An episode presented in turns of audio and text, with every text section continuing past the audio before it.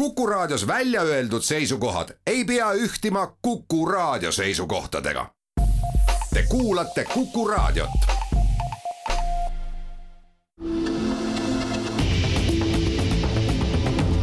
kahevahel. põranda küsimustele leiab kõige parema vastuse RM stuudio. kahevahel. tere, ajakirjanikud Timo Tarve ja Ainar Ruussaar alustamas igareedest saadet Kahe vahel ja täna on meie vahel Kuku raadio otsestuudios õiguskantsler Ülle Madise, tere! tere päevast! õiguskantslerit annab alati ja ajatult kutsuda rääkimaks siis inimeste õigusest, Eesti riigi seaduspärast ja tema kestmisest õiguslikus mõttes, nii et selles mõttes meil on väga hea meel, et Ülle on leidnud aega tulla kooliaasta alguse puhul veel seda enam, et me räägime täna kindlasti ka õpilaste õigustest, aga alustame vast ikka sellest, millest me alati oleme Üllega alustanud või reeglina oleme alustanud, Ülle, kas meil põhiseaduslik kord kehtib? Ikka kehtib ja sellest, et põhiseaduslik kord kehtib, annab märku muuhulgas see, et aeg-ajalt äh, kas mõni seadusesäte või siis mõni seaduse alusel tehtud otsus kohtus ka vaidlustatakse ja teinekord kohus asub seisukohal, et midagi tehti valesti, et ka see on õigusriigis täiesti normaalne asjade käik. kas see põhiseadus kehtis ka siis, kui äh, noh, pandeemiakriisi ajal näiteks piirati minu elementaarseid õigusi liikumisele, ma ei tea, mitte katta nägu ja nii edasi põhiseadus ikka kehtis ja see vaidlus ju kestab siiani, et kas oli olemas seaduses piisav alus selleks, et neid piiranguid kehtestada. Ja sellest veelgi olulisem küsimus on, et kas kehtestamise ajal olnud teadmise kohaselt need piirangud olid tõesti vajalikud mis oli konkreetselt nende piirangute eesmärk, milline on nende loogiline tegelik mõju, kas nad vaadati ümber siis, kui selgus näiteks, et kasu ei ole või et vaja enam ei ole, et need vaidlused on nüüd, kui ma loodan, et enamik inimestest on ennast saanud vaktsineerida, kes vaja siis ka tõhustusdoosiga, et nüüd, kus paljude jaoks on see väga suur mure võib-olla möödas ja on asendunud hoopis teiste teemadega, et hindade tõus, inimesed muretsevad oma palkade pärast, Ukraina sõda loomulikult, aga just nüüd, kus paljude jaoks on see möödanik, siis juristide jaoks on see praegu üks põhiteema. pagan võtaks üle, on ju elementaarne, et kui on kriis, kui on mingi jama majas, siis tulebki vabadusi piirata. seda olen ma korduvalt kuulnud, ma ei hakka siin lugupeetud Kuku raadio stuudios täpseid tsitaate kordama, noh, see on sisaldanud ka roppesõnu, et mida tuleks põhiseaduse ja juuraga pihta hakata siis, kui on kriis ja päästetakse elusid, aga minu ülesanne põhiseadusjärgne ülesanne, ametivandekohane ülesanne on sellel hetkel seda hoogu jahutada ja selgitada, et tegelikult on õigusriik see, et põhiseadus kehtib ka kriisi ajal, ka siis, kui on sõda, ka siis, kui on pandeemia, ka siis, kui on loodusõnnetus.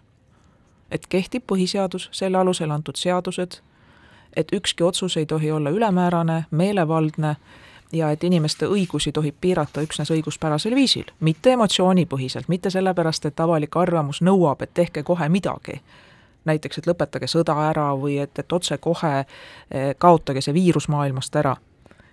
lõpetage ringlus, pange piirid kinni, pange inimesed kaheks nädalaks koju kinni, et siis äkki viirus kaob ära. siis ongi minu ülesanne selgitada, et ei kao ära, tuua need teadusartiklid näidata seda loogikat, kuidas epideemiad kulgevad ja et selle tõttu, et sellest ei ole kasu, ei ole see piirang ka lubatud. ja just on seda õigusriiki, põhiseaduspärasust ja sõltumatuid institutsioone, kes julgevad võtta ka seisukohti, mis arvatavasti mitte kellelegi ei meeldi, sest poolt valida ei saa, tulebki olla tasakaalukas keskel, et just siis, sellel hetkel on kõige rohkem neid sõltumatuid institutsioone vaja. ajalugu on seda korduvalt näidanud, kuidas inimene hirmu või viha ajel metsistub, on valmis teisele inimesele väga palju kahju tegema. pärast kratsitakse kukalt, mõeldakse, et ei tea, miks ta nii, miks küll niimoodi läks. et ei kunagi enam. ja tegelikult läheb mõni aeg mööda, tavaliselt umbes üks põlvkond, ja siis juhtub jälle. nii et mina ütlen, et ausalt öeldes sellest õigusriigist, sellest tööst, mida teevad näiteks kohtud, on kõikidele kasu, isegi kui hetkel tundub, et näed, juristid, kohtunikud, õiguskantsler, vot näed, ei lase praegu siin riiki ilusti kinni panna ja kõikidel kõike ära keelata. ma usun, et tähelepanelik kuulaja tundis võib-olla ära mõned poliitilised jõud ja ka poliitikudki sõnades vähemasti, kes taoliselt talitasid, kes, kes ei taha tunda saada, see saab jõudu tunda, ühesõnaga ja muud säärased tsitaadid. no selgelt tagantjärgi tundub, et see NETS nakkushaiguste ennetamise ja tõrje seaduse muudatused, mis maikuus said välja kuulutatud ja juunis vist ilmusid Riigi Teatas, tagantjärgi tundub, et see oli üks hästi emotsionaalne seadus, mida ta kriisiaegu võis ka nii olla. Te olete nüüd andnud vastuse sel teisipäeval Riigikohtu esimehele Villu Kõvele ja ka hinnangu nüüd põhiseadusliku järelevalves ja see on päris karm, kui nüüd tsiteerida uudiseid vähemasti. ma ei ole täis seda vastust nii-öelda kogu juriidilise nüansikaga veel jõudnud lugeda, väga vabandan. Te heidate nendele muudatustele sätetele ette, ma nüüd utreerin, nagu meeleavaldaja varakevadisel Vabaduse väljakul, kus tšellot mängiti. ja teie siis palun selgitage nii, nagu te oskate, alati ilusti vastu. liikumisvabaduse piiramist, ebaseadusliku vabaduse võtmist, põhiõigust elule, kui vaktsineeritud ei ole, ettevõtlusvabadust, vabadust käia kinos, kohvikus, sõita trammiga rääkimata, kuulge, need on tõesti nagu loosungid sealt Vabaduse väljakult. mida te selle seadusele ette heidate? Ehm, alustaks sellest, et äh, see vaidlus nakkushaiguste ennetamise ja tõrje seaduse normide üle sai alguse Tallinna halduskohtust. ja ka oma arvamuses ütleme, et kohtunik tegi väga õigesti, et ta põhiseaduslikkuse järelevalve algatas, sest küsimus sellest, kas tegelikult saab jätta valitsusele õiguse välja mõelda, mis piiranguid kehtestada. ja siis, kas neid üldkehtivaid piiranguid tohib kehtestada niisuguse otsuse vormis, mida näiteks õiguskantsler vaidlustada ei saa. iga inimene peab ise minema ükshaaval halduskohtusse, üks saab õiguse, teine ei saa õigust, et seda me ka nägime, et mõned kohtunikud ütlesid, et äh, näiteks äh, selle tõttu, et inimesel on väga palju antikehi veres ja tema arst ütleb, et ta ei tohi sellel hetkel veel vaktsiini teha, et ta peab natukene ootama, inimesel jäi tuvastamata see, et ta haige oli, kas sellepärast, et polnud sümptomeid või sellepärast, et ta oli näiteks välismaal ja seal tehti test, mida Eestis ei arvestatud, ühesõnaga koroonapassi polnud. mõni inimene sai kohtust õiguse, et tõesti nii ei tohi. teine ei saanud. ja siis seal lõunasöögi kohviku ukse peal peab siis see vaene teenindaja suutma otsustada, et kas see inimene, kes tuli kohtuotsus ühes käes ja, ja vaktsiinipassi teises käes ei olnud, et kas selle inimese tohib nüüd korraks siis äh, oma lõunasuppi ära sööma lubada või ei tohi. et, äh, et no ongi, ongi väga raske ja nüüd on need küsimused jõudnud äh, Riigikohtusse ja tõepoolest siin on kaks põhiteemat. et kas peaks ikkagi olema nii, et Riigikogu selgelt ja kõigile arusaadavalt ütleb, mida pandeemia ohjamiseks Eesti Vabariigis põhimõtteliselt teha tohib. selliseid seadusi teistest riikidest on leida, ma olen neid ka eh, nende seaduseelnõude tegijatele siin nende aastate vältel tutvumiseks saatnud, et ilusasti inimese keeles on kirjutatud rühmatreeningud, söögikohad, koolid, kõik üksika, ükasjalik, üksikasjalikult, et millises olukorras mida põhimõtteliselt teha tohib ja siis tõesti on võimalik volitada kas Terviseametile või Vabariigi Valitsusele konkreetse olukorra tekkimisel proportsionaalse otsuse tegemine. kas näiteks üks ettevõte kinni panna, sellepärast et seal ei järgita nakkusetõrje reegleid, kehtestada piirangud kogu riigis. ja nüüd on see teine küsimus, et kui kehtestatakse piirangud kogu riigis, kõikidele, kõikideks mõeldavateks juhtumiteks, üleüldse ei süveneta sellesse, kas näiteks äh, konkreetne teater peab hajutamisreeglitest, desinfitseerimisreeglitest kinni või ei pea, millised on seal ruumid, ventilatsioon, vaid kõik pannakse kinni. keelatakse ära ka muuseumi parklas autodest vaadeldav etendus. et, et on sellised üldised korraldused, et kas neid saab tõesti kehtestada vormis, mis on üksikakt ja mida iga üksik inimene peab minema eraldi halduskohtusse vaidlema ja tõepoolest, õiguskantsleri seisukoht on siin see ja see on olnud muutumatult niisugune pandeemia algusest peale, et Eesti riiki juhib Riigikogu, mistõttu Riigikogu peab tegema arusaadava loetelu asjadest, mida pandeemia puhul tohib põhimõtteliselt teha, ja siis konkreetses olukorras on võimalik teha konkreetsed otsused ja kui need otsused puudutavad kõiki, siis tuleb need teha vormis, mis allub ka põhiseaduslikkuse järelevalvele kiiresti, tasuta, kõikide huvides või siis on tegemist tõesti konkreetse kooli olukorraga lahendamisega, konkreetse ettevõtte lahendamisega ja seal on üksikakt ja seda vaidlustatakse kohtus. Läheme Eestist natuke kaugemale, hästi, mul on taskus lennukipilet, tahan lennata kuhugi lõunasse, aga siis nõutakse mult seda koroonatõendit ja kui mul seda koroonatõendit ei ole, siis ma pean äh, lahkuvas lennujaamas ja saabuvas lennujaamas tegema testi ja see test maksab viiskümmend kuni kuuskümmend eurot, kellele, kellele pagan ma kaeban, et minu vaba liikumist niimoodi piiratakse? lennukompanii peale, lennujaama peale, riigi kaeban kohtusse. tavaliselt kehtestab need reeglid äh, see riik, kus see lennujaam asub, äh, vahel näiteks kui me vaatame, et kuidas toimub äh, Lufthansa peal teenindamine täna, et siis need reeglid on siis Saksamaa reeglid, mis seal lennuki pardal kehtivad, sõltumata sellest, et kas ta asub parasjagu Eestis või kuskil mujal või Saksamaal, ja ongi väga keeruline. ja kahjuks on praegu seda näha, et täiesti avalikult mööndakse, et pandeemia ajal rikuti massiliselt Euroopa Liidu õigust, Schengeni viisareegleid, ka siis, kui oli epidemioloogiliselt teada, et see piiride sulgemine kahjuks ei aita sellepärast, et seda tüüpi viirus levib niikuinii. seda näeb praegu ka Jaapanis, näeb Uus-Meremaal, näeb Austraalias ja see oli ette teada. ja kui on viiruse seis on tegelikult ühesugune näiteks Euroopa Liidu või Schengeni ala sees, et siis ei ole lubatud piire sulgeda. aga avalik arvamus kõikjal läks nii tuliseks, et poliitilisel kaalutlusel minu hinnangul õigust rikuti ja ma olen väga palju neid hinnanguid kuulnud, et rikuti jah, ja seda tuuakse näiteks, et õigustada edasisi rikkumisi. kahju. me läheme siinkohal väikesele pausile.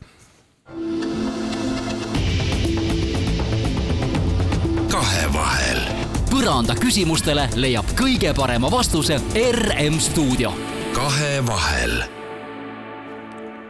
tarkusepäeva järgne esimene saade Kahevahel Kuku raadio eetris ja tarkust on nõutamas targalt inimeselt, õiguskantslerilt Ülle Madiselt, saatejuhid Ainar Ruussaar ja Timo Tarve.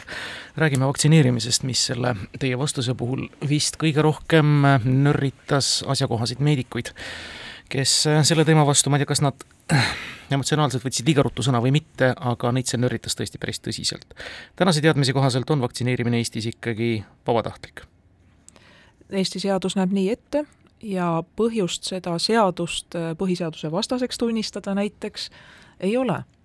E, neid uuringuid on tehtud võrdlemisi vähe ja see kindlasti kõlab jällegi võib-olla ebausutavalt või see tõdemus ei meeldi, aga üldiselt riikides, kus vaktsineerimine on vabatahtlik, põhineb isiklikul veendumusel, on vaktsiiniga hõlmatus suurem. ükskõik, kas me räägime laste haiguste vastu vaktsineerimisest või me räägime näiteks iga-aastase gripi puukentsefaliidi vastu vaktsineerimisest või koroona vastu vaktsineerimisest. et inimpsüühika on kummaline. mina ei ole psühholoog, ma ei oska seda selgitada, aga siin on midagi individuaalsuse ja isiksusega seonduvat, mis juhul, kui inimesele endale jäetakse vabadus teha otsus ja vastutada, rohkem inimesi teeb seda kui siis, kui öeldakse, et on kohustuslik. ja Eestis on palju inimesi, kes leiavad, et oleks hea, kui vaktsineerimine oleks kohustuslik, kas või kaudselt. et me saaksime kiiremini pöörduda haiglates ja perearstikeskustes tavalise elu juurde tagasi ja ma väga mõistan seda lootust. häda on selles, et jah, tõesti, seadus seda ei luba ja ma väga vabandan, minu kohustus on seda öelda, e, aga see ka ei aitaks ja tihtipeale seda mõista on inimestel kohutavalt raske no aga varjatud, ma korra jätkan veel, et varjatud kujul ta ju oli tegelikult kohustuseks, sest kui vaktsineerimise passi nõuti normaalse elu jätkamiseks, ehk siis nii-öelda piirangute vabaks või noh, niivõrd-kuivõrd siis liikumiseks oli ju koroonapass, ehk siis vaktsineerimise tõend oli ju kohustuslik. et noh, kokkuvõttes ma mõtlen, et mul tekivad ka käärid ja lühis nii-öelda piltlikult öeldes, kui ma mõtlen, et ega seadus sätestab, et me peame autos istuma ka kinnitatud turvavööga. Samal ajal, kui see võiks olla nagu sama loogika kohaselt ka inimese vaba valik. On terviseseisundeid, kus ka turvavöö tegelikult pole kohustuslik, aga ja. jumala eest, ärge nüüd võtke seda nii, et turvavööd ei pea kasutama, turvavööd peab kasutama, saan kinnitada ka isiklikust kogemusest, aastate tagant ka väga väiksel kiirusel olin just enne koju jõudmist teinud turvavöö korraks lahti. Ja, ja tegelikult äh, need jõud, mis mõjuvad, on kohutavad, nii et pärast seda mina isiklikult suhtun sellesse asjasse äärmiselt tõsiselt, juba kakskümmend aastat, ja soovitan kõigil teistel ka jah, aga samas lubatakse meil sõita autodega, millel, mis on ülevaatuse läbinud ja millel ei olegi ette nähtud turvavööd, millel ei olegi turvavööd. jaa, no jääraja peal Moskvitš nelisada kaheksa. jääraja peal ka ei tohi, hästi. ärme sinna kõrvale kaldu. kuna on ka, tõepoolest on tarkusepäeva järgne päev ja kooliaasta algused, siis siin tuletan meelde ühte õiguskantsleri suurt võitlust, nimelt selle eest, et kui lapsi sõidutatakse kooliekskursioonidele näiteks, et siis ei tohi kasutada busse, kus turvavöösid ei ole.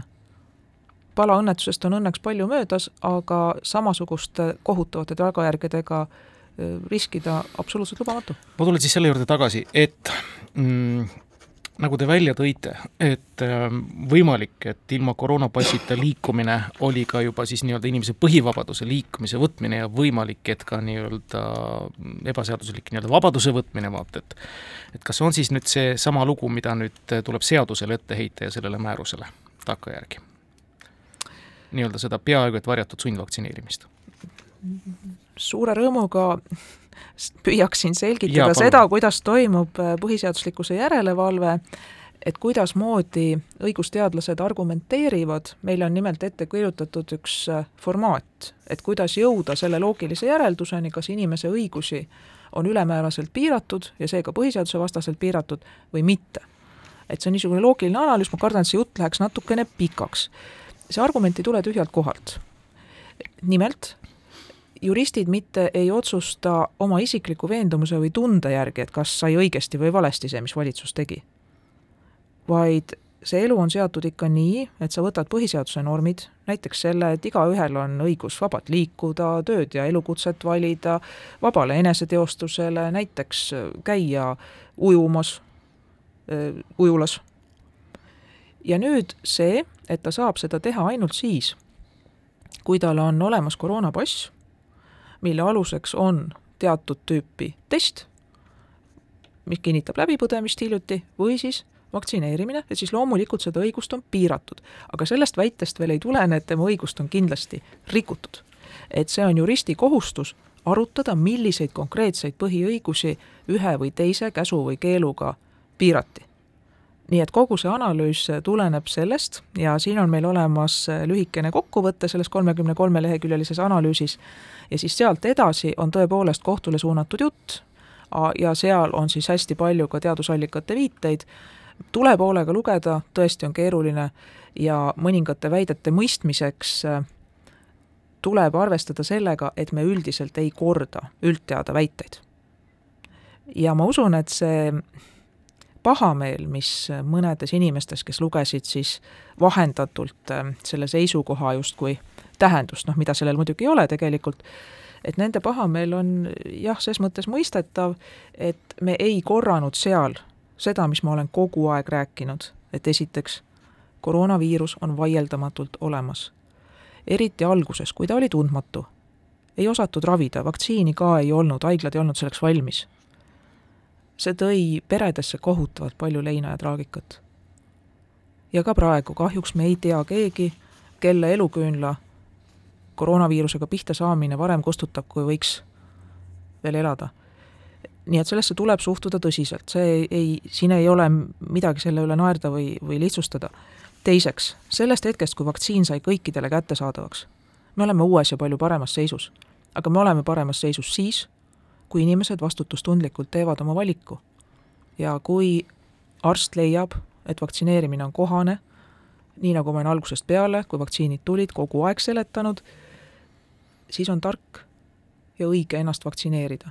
et kaitsta ennast raske haiguse eest ja ka selleks, et mitte ära võtta kelleltki haiglas kohta, kui see inimene on näiteks infarkti või insuldi saanud, see võib olla ka sinu lähedane.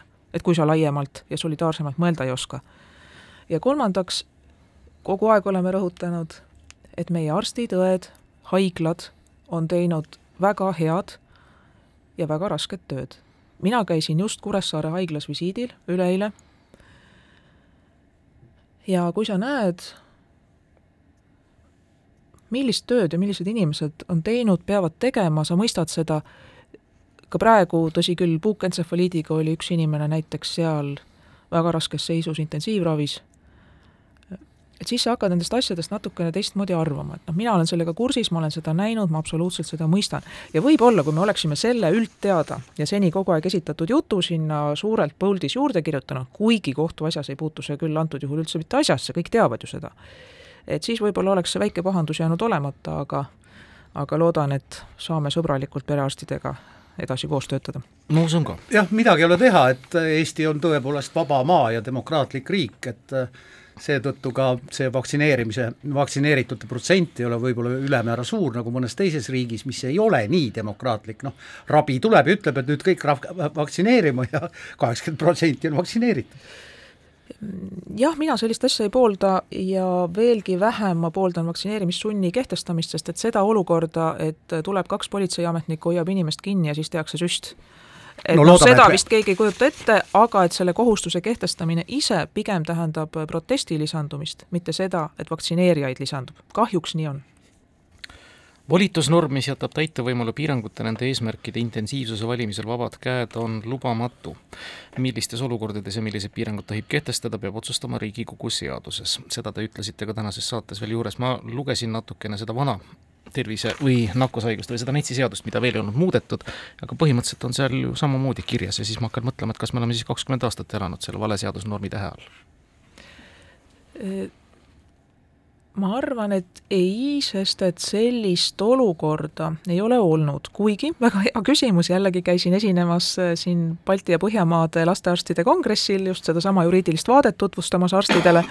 Ja üks äh, Soome väga kogenud lastearst küsiski, et kas mina oskan kuidagi seletada, et miks näiteks seagripi pandeemiale aastal kaks tuhat üheksa vist oli see, ei reageeritud sellisel viisil. kuigi see viis haiglasse eluohtlikus seisundis ka näiteks lapsi ja nüüd selline ülemaailmne reaktsioon. et eks see on ka tegelikult õige küsimus, jällegi ärgu sellest lausest järeldatagu, et koroona pole tõsine asi, see on väga tõsine asi ja see on paljudesse peredesse leina ja muret toonud ja toob praegu ka. aga mis siis juhtunud on, mina käisin noh, sellest on üks kümme aastat, viisteist aastat möödas, äh, sattusin ühe Kagu-Aasia reisi ajal linnugripi koldesse tulin tagasi Eestisse, mul ei olnud linnugrippi, aga mitte kedagi ka ei huvitanud, kust ma tulen, miks ma seal koldes käisin. ja nüüd on kõik äkki muutunud no võib-olla on asi selles, et äh, ühiskond on muutunud ja teiseks, et äh, kogenud ja väga häid epidemiolooge, kes oskavad öelda, et on mõttetu selline piiride sulgemine ja selline testimine sellises mahus mõnikord. et neid epidemiolooge, ma arvan, et väga palju ei ole või ei kuulata ja ja vist on ka see olukord, kus äh, tee emotsionaalsest avalikust arvamusest üldkehtiva poliitilise otsuseni on hästi lühike. ja samal ajal me oleme seisus, kus sõltumatuid institutsioone, kes üritaksid äh, ikkagi kaalutlema, mõtlema ja tõendama sundida, et noh, need satuvad, nagu öeldud, eri pooltelt rünnaku alla ja ikka soovituste ohvriks, et ole nüüd hea ja vali pool ehk hakka poliitikuks me läheme siinkohal valime selle poole, et teenime natukene Kuku raadiole pausi aegu raha ja siis juba jätkame õiguskantsleriga muudel teemadel. kahevahel. põranda küsimustele leiab kõige parema vastuse RM stuudio. kahevahel saade Kahe vahel jätkab Ainar Ruussaar ja Timo Tarve on tänased võõrustajad ja võõrustatav hea külaline on õiguskantsler Ülle Madise Ülle, me keegi ei tea kõiki seadusi peast ja jumala pärast ei peagi teadma, et äh, ei saagi teada. aga, aga noh, me teame selliseid põhimõttelisi mm, norme, mis on lubatud ja mis ei ole lubatud äh, noh, juba, juba lapsepõlvest ja lasteaiast, aga aga kuhu me see, need, need piirid ikkagi veame, et ma nüüd natuke provotseerin teid, et kui Ukraina selles sõjas täidaks kõik seaduse sätteid täpselt, siis nad oleks selle sõja juba kaotanud. Ukraina õiguskorda ma nii täpselt ei tunne, ma tunnen Eesti õiguskorda ja katsun kaasa aidata sellele, et meie õiguskord oleks kõikideks kriisideks, ka julgeolekukriisideks valmis.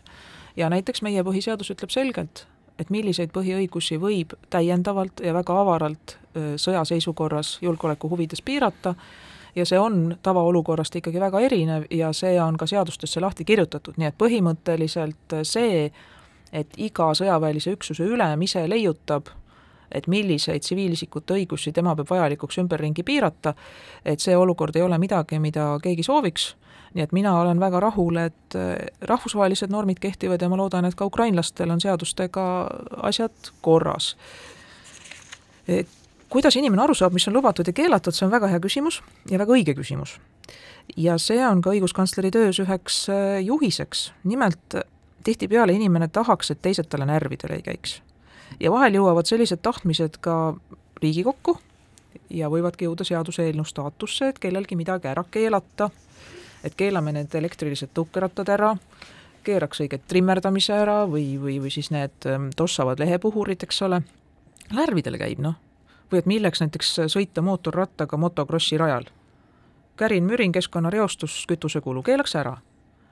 et väga palju on selliseid mõtteid ja need eiravad seda, et ongi ühiskonnas vaba eneseteostus, et inimesed vajavad selleks, et äh, inimesena hästi elada erinevaid asju ja niikaua, kui nad väga rängalt teiste inimeste samasugust õigust ei piira, ei ole riigil vaja sinna vahele tulla. kui palju siis seadused on täitmiseks ja kui palju tõlgendamiseks, me kõik oleme varastanud. mina varastasin kogemata eile töölt pastaka, kodus avastasin, et olen võtnud tööandja pastaka, tõin täna tagasi, ükskord ülikooli ajal, kui mul oli stipiraha otsas, siis ma varastasin ülikooli kohvikust keedetud muna, tunnistan üles, olen olnud varas, äh, ma tean, et see on keelatud, aga näed, ikka tegid jah, inimesed teevad teinekord keelatud tegusid ja väga hea, kui nad püüavad selle paha teo eastada, üles tunnistavad, kahetsevad, praeguseks on teist saanud igati korralik kodanik, nii et on läinud ju hästi. aga jah, kõiki seadusi inimesed tunda ei jõua ja sellepärast on hea, kui need keelud ja käsud, mis meil seadustes on, tunduvad rõhuvale enamusele inimestest loomulikud ja vajalikud. et nendel on mõte ikka ainult siis, kui enamik ühiskonnast peab neist vabatahtlikult kinni ja need, kes kinni ei pea, suudetakse kinni pidama panna. Ja seda joont me katsume ka hoida, et olgu see koroona asjades või mujal, et, et kui seadus kehtib, peab ta kõikidel ühtemoodi kehtima. Ja seda, et, et seadust lihtsalt ei täideta külma käega, et noh, seda ei tohi lubada. mina seadusi ei tunne, aga guugeldades ma saan vajalikud seadused kätte, vajalikud seaduse paragrahvid ka, siirdume järgmise jutuajamise juurde, kohaliku omavalitsuse seadus, ehk siis KOKS, eks ole. KOKS paragrahv nelikümmend üks lõige kolm ütleb, et kohaliku omavalitsuse volikogu ettepanekul keeleseaduse paragrahv üksteist alusel antakse luba kasutada selle kohaliku omavalitsuse esimese asjaajamise keelena omavalitsusüksuse püsielanike enamiku keelt, aga see sätestab päris rangelt, et volikogu ja valitsuse istungid toimuvad eesti keeles ja me jõuame siis Narva juurde ja seal on need seaduses siis need käärid sees, kus öeldakse selgelt, et Narva volikogu on rikkunud vähemalt, mis aastast see seadus meil kehtib, kaks tuhat üksteist üksteist aastat äh, seadust volikogu istungit vene keeles pidades, aga teisipidi Narva volinikel ei ole mitte mingit kohustust osata eesti keelt, kui nad on sinna poolt valitud, valijate poolt valitud, mis siis teha? minu arvates on asi väga selge. Eesti Vabariigis riigikeel on eesti keel, volikogu istungid, nii nagu ka Riigikogu istungid, on üld, üldiselt, üldreeglina on avalikud ja neid peab saama iga huviline jälgida. ja selleks, et seda volikogu või näiteks Riigikogu istungit jälgida, peab oskama riigikeelt, ei saa eeldada, et need inimesed, keda huvitab, et miks näiteks kohalik ranitsatoetus kujuneb selliseks, nagu ta kujuneb või mille pärast on detailplaneering või rohealad kavandatud just nii, nagu nad on kavandatud, et tema ei pea selleks õppima vene või mõnda muud keelt selgeks, et aru saada. ei, eesti keeles käib see asi ja see on seaduses väga selgelt kirjas, Narval mingit niisugust erandit ei ole, kandideerida saavad üksnes Eesti Vabariigi kodanikud ja kõikidel kandideerijatel ja loodan, et enamikul valijatel on teada, et see istung peab toimuma eesti keeles. nii et see, et äh, nendel inimestel pole tehtud keeleeksamit või nad ei ole kinnitanud kandideerima asudes, et nad oskavad eesti keelt, et see ei ole mingi vabadus eestikeelset istungit mitte pidada. ja kui nüüd on küsimus, et mida siis teha, asi on väga lihtne, istungi juhataja, tavaliselt on see volikogu esimees, vastutab selle eest, et äh, volikogu toimub vastavalt seadusele ja võõrkeelsed, nagu ka näiteks äh, ropud, sõnavõtud tuleb lihtsalt katkestada. Ja samamoodi käib see asi ju Riigikogus.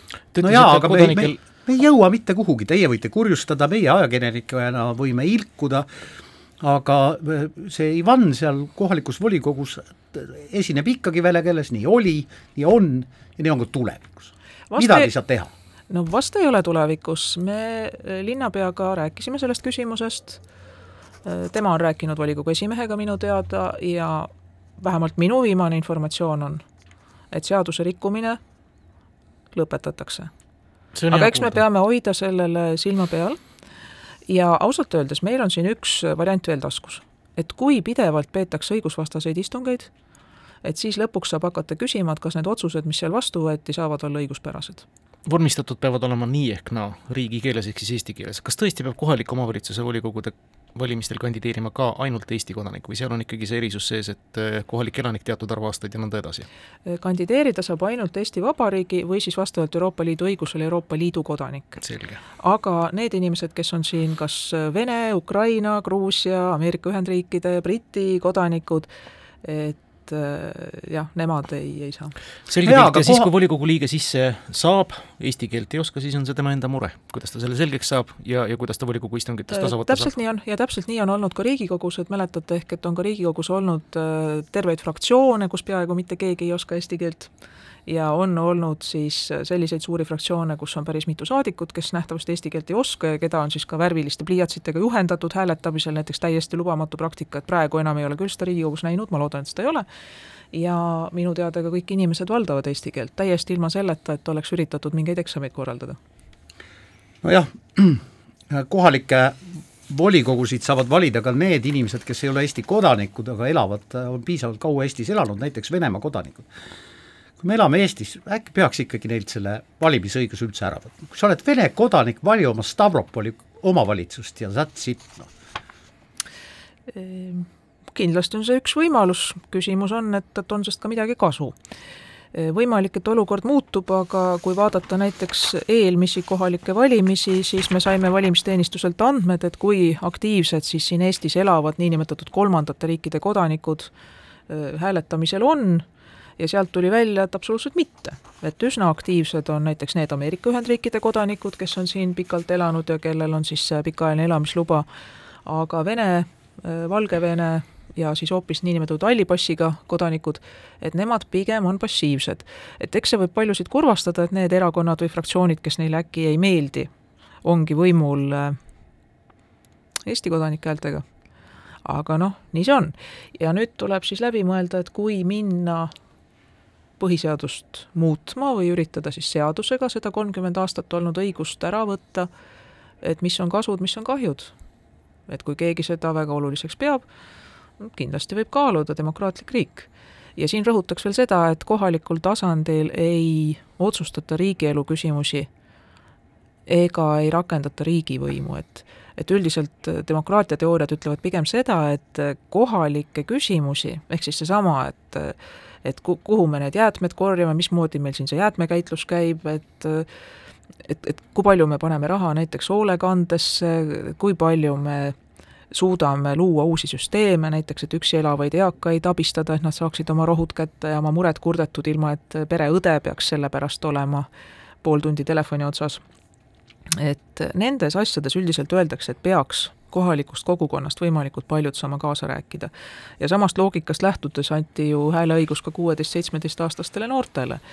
nii et võib-olla aitabki edasi mõelda see, et kui me võtame näiteks mõnes siin Tallinna haiglas töötava haiglaõe, kellel mingil põhjusel siis Eesti kodakondsust ei ole, et tal on näiteks Vene kodakondsus või on ta halli passiga, aga võib-olla on ka grusiin või ukrainlane et kui me nüüd temalt võtame selle valimise õiguse ära, noh iseasi, kas ta üldse kunagi valimas on käinud, noh nagu öeldud, siis rõhuv enamus ei ole,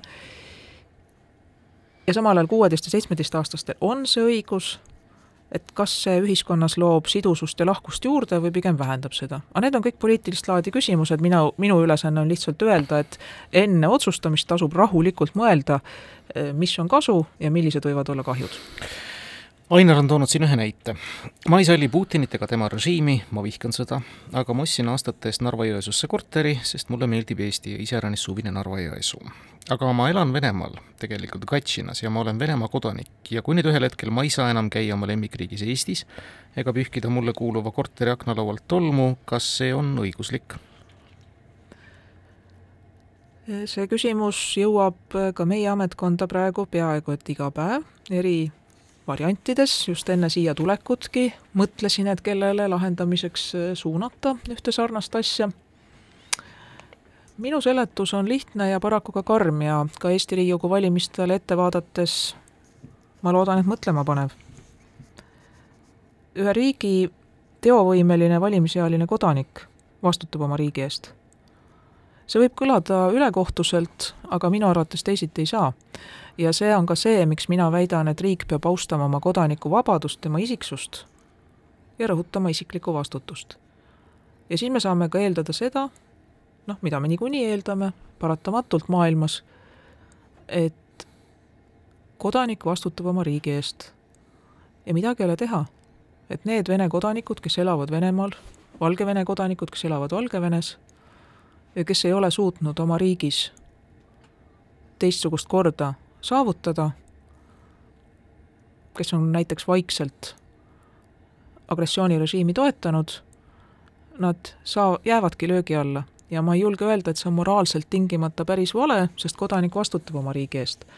nüüd on teisiti juhul, kui inimene on olnud näiteks dissident või ta on olnud vaba ajakirjanik, nagu näiteks Dmitri Muratov, eks ole, Novaya Gazeta peatoimetaja. Kirill Safonov, tänased uudised. näiteks, näiteks, et nendel peaks olema võimalus taotleda varjupaika. Nende lastel peaks olema võimalus saada varjupaika, saada ülikoolidesse, aga jah, ma ei saa kuidagi öelda, et sellises olukorras me peaksime ütlema, et et need Vene kodanikud Venemaal, kes ei ole selle režiimi vastu võidelnud, et nemad on kuidagi eraldi nendest, kes praegu agressiooni ja tapmisi ja piinamisi juhivad selle karmi tõdemuse pealt me läheme veel kord ühele väikesele reklaamipausile ja siis jätkame juba helgelt meie tuleviku ehk siis laste ja kooli teemadel. kahevahel. põranda küsimustele leiab kõige parema vastuse RM stuudio. kahevahel igareedene intervjuuseade jätkab oma viimast veerandit, ajakirjanike Timo Tarve ja Ainar Ruussaare vahel on täna õiguskantsler Ülle Madise. Ülle, ma küsin teilt väga lihtsa küsimuse, millele te oskate ka ilmselt lihtsalt vastata. noh, see lihtsalt äh, kõlab minu suust küll jutumärkides. kes ja kuidas peavad jälgima laste õigusi? lapsed ise seda ju ei suuda absoluutselt kõik inimesed ja tegelikult suudavad ka lapsed ja noored ise teiste laste ja noorte õigusi jälgida, nii et eks sealt on ka tulnud äh, kiusamisvaba kooli liikumine ja sealt tuleb see igapäevane kodune lasteaia- ja koolikasvatus, mille osaks on see, et sa ei tohi teisele inimesele haiget teha, tohi teisi inimesi asju ära võtta, et sa pead üritama teistega mõistlikku ja lahket koostööd teha. ja karussellis käiakse järjekorras, karusselli peal käiakse järjekorras. täpselt mida aeg lähemale septembrile, seda rohkem on tulnud õiguskantsleri kantseleisse pöördumisi, pealkirjad õpetaja kvalifikatsiooninõuded, koolipäeva algus, sooja toitu ma ei leidnud, aga küllap on seegi läbi käinud. ma eeldan, et aastate jooksul esimese septembri aegu. räägime õpetajate kvalifikatsiooninõuetest, me jõuame varsti seisu, me oleme tegelikult ju seisus, nagu on räägitud, tuhat kuussada puuduvat õpetajat, suures jaos aineõpetajad. pluss veel, no mis me räägime, ka tugipersonal, logopeedid, eh, psühholoogid ja kõik muu säärane. meil on koole, kus on keskharidusega õpetajad ka seda ja see on selge, et mingil määral ju laseb seadus aasta vältel väga karjuvas nii-öelda aineõpetaja puuduses selle aine ära anda lastele ja nõndaviisi edasi. kas see on nüüd on see aeg ja koht, kui, hea küll, võib-olla on kohatu paralleeli tõmmata, tuleb ka erakorralised meetmed nagu pandeemia aegu kasutusele võtta, kus me peame laskma õpitel, õpilastel võib-olla tõesti andeka inimese poolt ära lastud õpetada füüsikat ja kõike muud säärast, olgugi et tal ei ole magistrikraadi see on hariduspoliitiliste valikute küsimus, ega ma teisiti vastata ei saa aga minu arvates äh, need kvalifikatsiooninõuded ja ka enesetäiendamiseks seatud nõuded on täiesti põhjendatud. aeg läheb edasi, äh, ühiskonnas suhted ja rollid teisenevad mingil määral ja ma arvan, et see ei ole sugugi tähtsusetu nõue, et õpetaja äh, õpib seda, kuidas näiteks kriitilistes olukordades käituda, kuidas säilitada piisav distants õpilastega, lasta nende isiksusel vabalt areneda, samas kehtestada raamid, mis on õiglased ja millest ka päriselt kinni peetakse, kuidas iseennast ja oma psüühikat kaitsta. nii et ma arvan, et äh, on täiesti põhjendatud, et sellised nõudmised on seatud.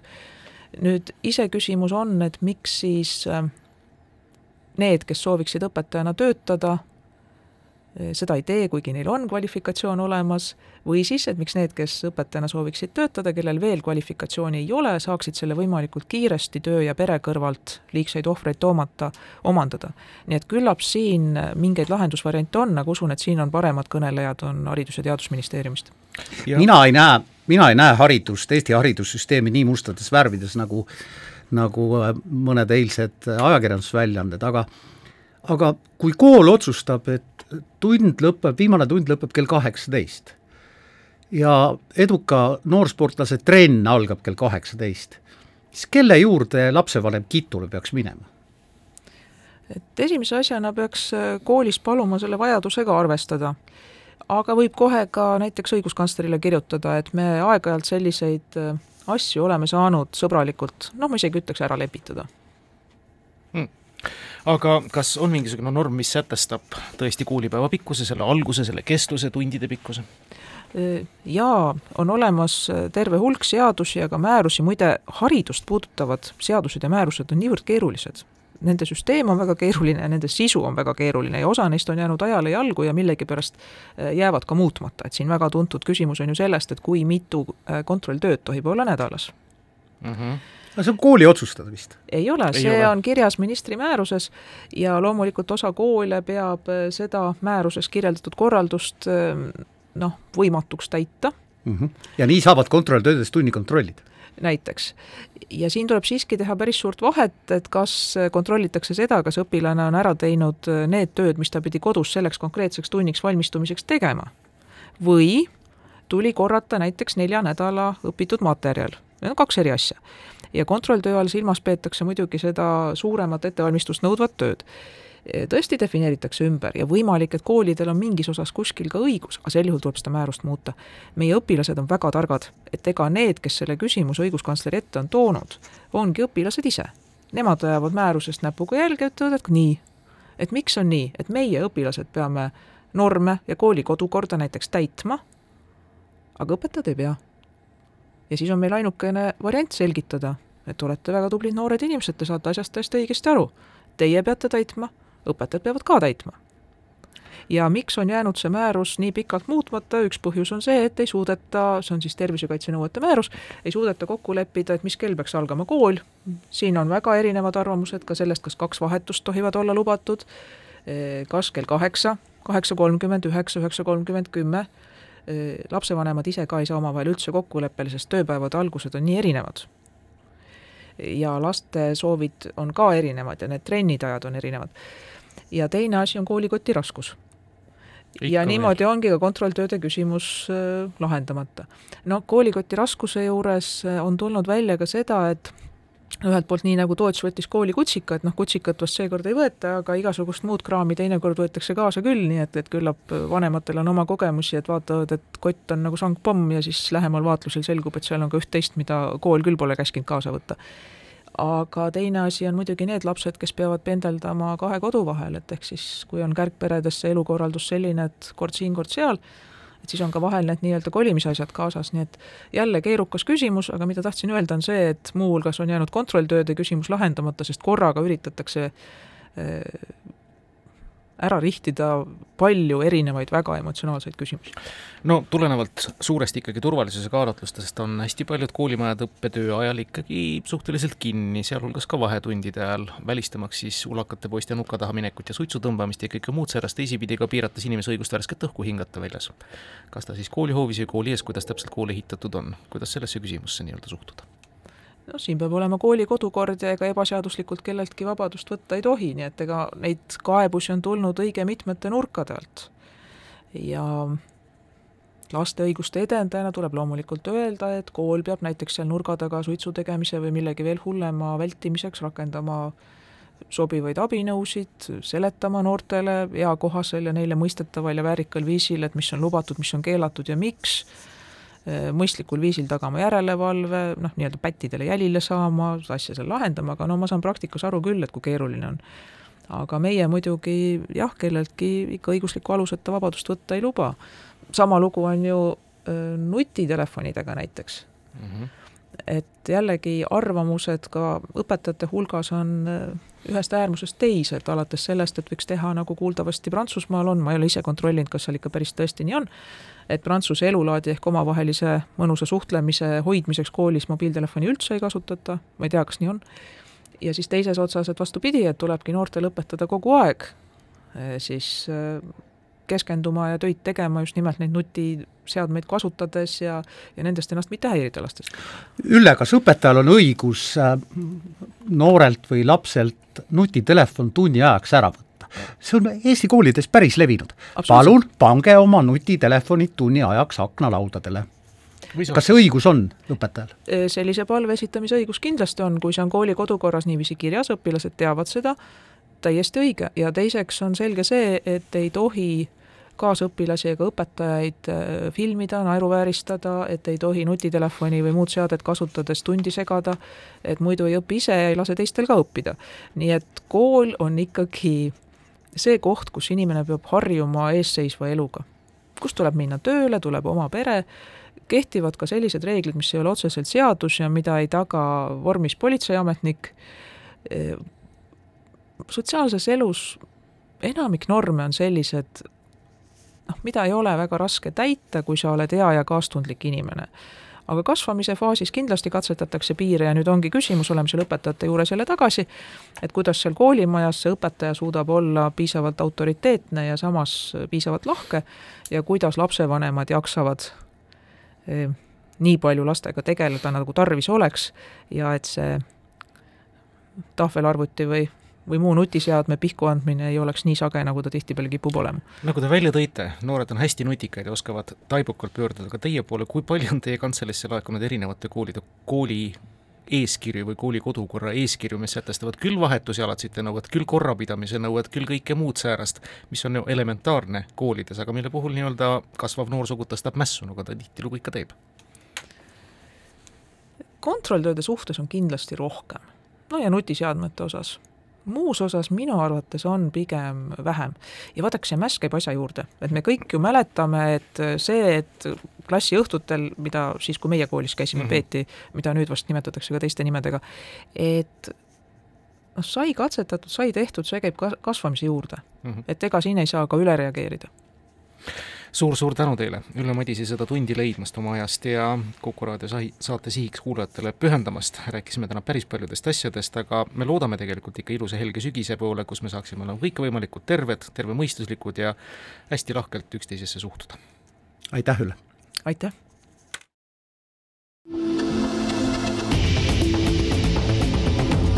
kahevahel.